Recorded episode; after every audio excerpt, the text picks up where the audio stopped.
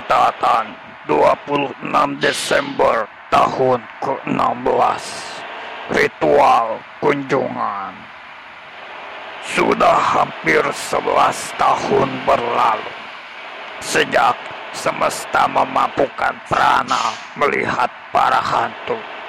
Namun ia takkan pernah bisa melupakan hari-hari pertama itu.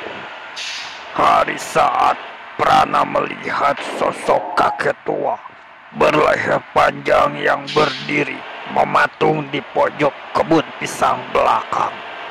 Hari saat wanita berbaju compang camping terkekuh di balik celah gorden jendela. Senja saat Prana saksikan sosok bayi hijau bertelinga besar mengintip dari lubang langit-langit rumah bagian timur.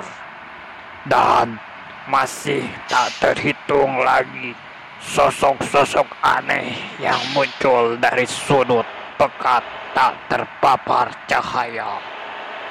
Makhluk-makhluk itu terlindung di kegelapan. Kadangkala mereka muncul kadangkala hilang bersembunyi. Namun, setiap tanggal 26 Desember petang hari, sebuah peristiwa sakral selalu berulang terjadi. Di saat seisi rumah tenggelam dalam kesunyian malam yang gurita, mereka datang menampakkan wujudnya bersama-sama.